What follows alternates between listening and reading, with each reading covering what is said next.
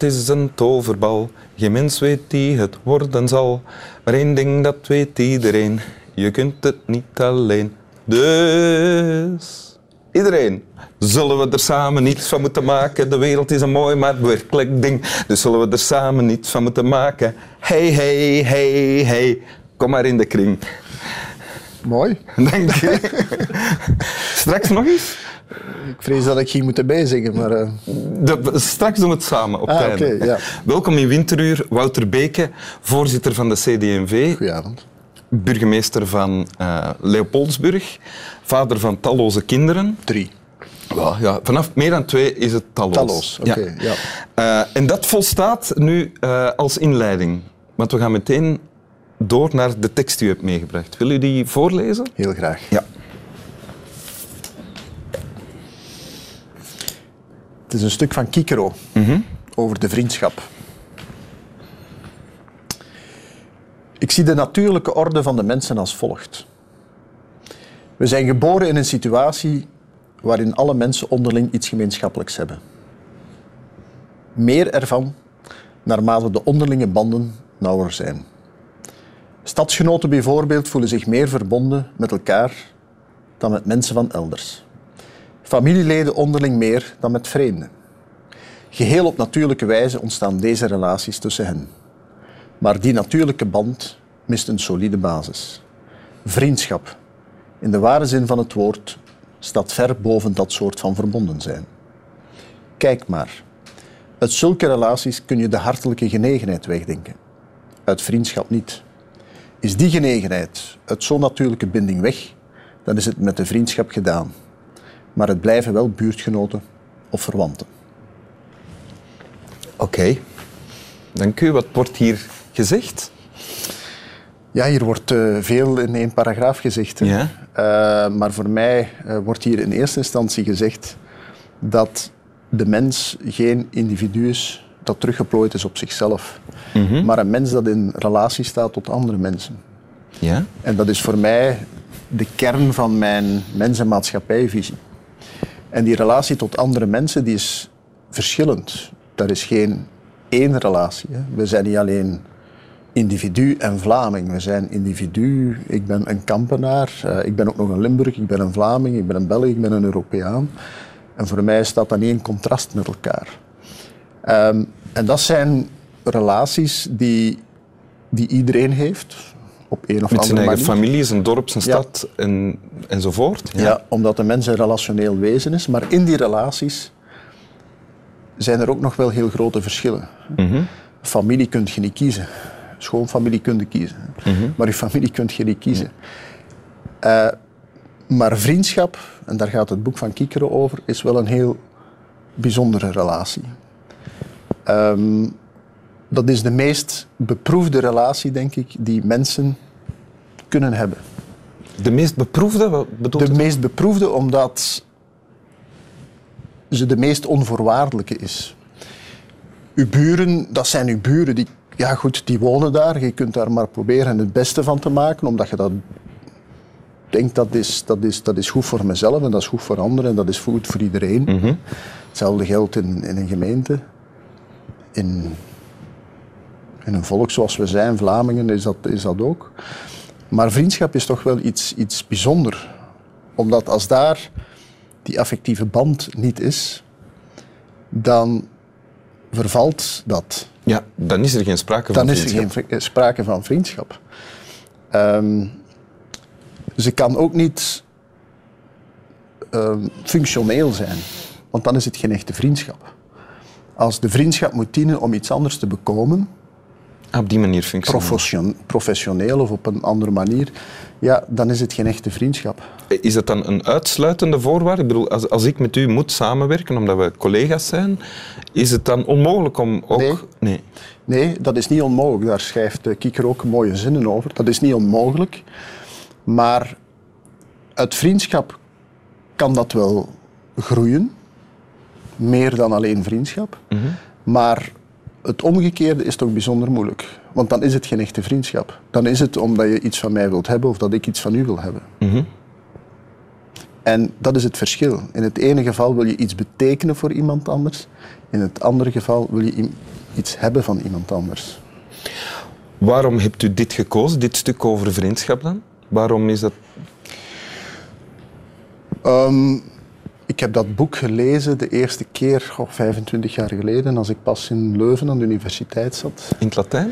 Eh, nee, het was in het Nederlands. Ja. Ik heb wel Latijn gestudeerd, maar eh, mijn Latijn was niet dermate actief dat ik daar ganse boeken van kon lezen. Oké, in tegenstelling tot sommige van uw collega's. Ja, kijk, iedereen heeft zijn talenten en iedereen heeft zijn gebreken. Ehm, maar wel omdat het feit is eigenlijk een heel kort essay. En als je dan in Leuven komt, of aan een universiteit, een beetje weg van de natuurlijke roots, in een onbekende wereld waarbij je nieuwe vriendschappen ontdekt, leert kennen. eh, Dan, voor mij was dat de eerste keer dat ik daar echt blijf, bleef bij stilstaan. Van ja, wat is dat nu? Liep dat dan ook samen? Terwijl u het las, maakten u vrienden? Ja, dat boek is een toevallige ontdekking geweest. Het is niet dat ik nu dacht, ja, nu moet ik wel eens eerst Kikro leren kennen voordat ik eh, op zoek ga naar een vriendschap. Zo gaat dat niet. Eh, dus dat boek is een toevallige ontdekking geweest. Eh, maar het heeft mij er wel meer over leren nadenken. Dat is één element. En ten tweede, het type bewustzijn van wat ik dan het personalisme noem. De visie dat mensen Wa- Wat is dat, het personalisme? wel, dat is een filosofische stroming ehm, die ervan uitgaat, in tegenstelling bijvoorbeeld tot het liberalisme, waarbij dat het liberalisme zegt, ja, mensen zijn, eh, die vertrekken vanuit het individu. Ehm, ik vertrek, en personalisten vertrekken vanuit het relationele. Ah ja. Ik word maar mens, om het met de woorden van Levinas te zeggen, in het gelaat van de ander mens. Ja. Ik leer mezelf maar kennen in het gelaat van de ander. En als Dus zonder mij hier op de bank bent u geen mens. eh, ben ik minder mens. Minder mens. Ja. ja, ja. En ik ga mezelf tijdens dit gesprek misschien dingen leren kennen die ik anders van mezelf niet had leren kennen. Ah, ja, ja. Terug naar waar het over, gaat- die tekst over gaat, over vriendschap. Is het dan, ik neem aan dat dat voor u heel belangrijk is, vriendschap. U hebt dan ook een paar vrienden, stel ik mij voor, van vroeger, met wie u nauwe banden... Ja, en niet veel. Kikero schrijft... Hoeveel? Vier? Wel, dat is een heel goede vraag. Kikero schrijft, mensen kunnen heel gemakkelijk zeggen hoeveel geiten of schapen ze hebben, maar heel moeilijk zeggen hoeveel vrienden dat ze hebben. Omdat daar natuurlijk ook gradaties in zitten. Ja. Ehm, en ik heb niet zo heel veel echte vrienden. Eh, maar ik heb er wel. En een paar is genoeg om te koesteren. Twee. Dan. Twee, drie. Zit, zijn er vrienden, hebt u vrienden in de politiek? Ehm, ja. Maar niet eh, onder mandatarissen. Ehm, vrienden die ik, mensen die ik via de politiek heb leren kennen en die vriend geworden zijn. Ehm, maar die niet in de, in de actieve politiek als mandataris zitten. Ik heb in de politiek wel geestesgenoten. Eh, ik heb in de politiek wel strijdmakkers. Ik heb in de politiek wel mensen waarmee je zij aan zij gaat staan. Maar om nu te zeggen, als de politiek weg is, en dan kom ik terug op de these van Kikero. Als die politiek weg is, gaat daar dan na tien jaar nog iets van overschieten? Dat weet ik niet. En dat is oké zo, begrijp ik. U mist dat ook niet.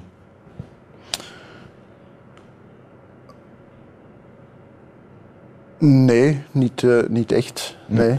nee, omdat ik zeker in de politiek ehm, kan de zogezegde vriendschap toch heel vaak functioneel zijn. Hè? Ja.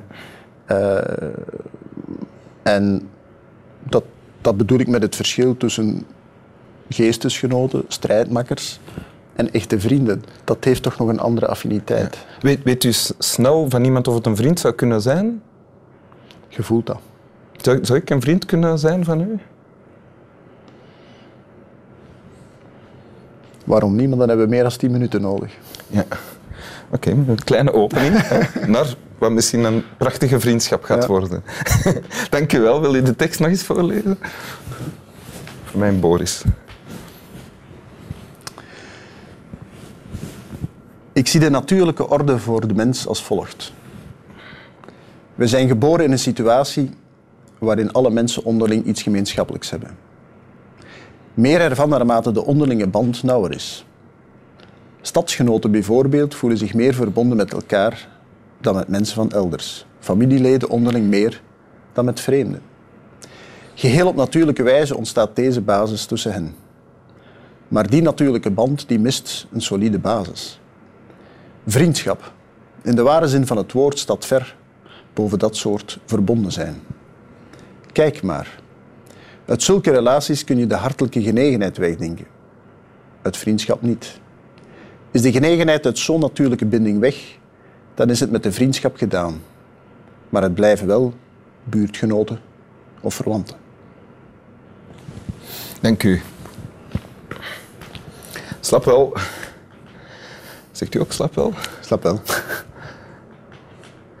Namens Wim Helsen en Wouter Beke. Misschien wel binnenkort vrienden. Ik ga straks naar een feestje. Ja, is goed. Mag ik mee? Ja? Oké.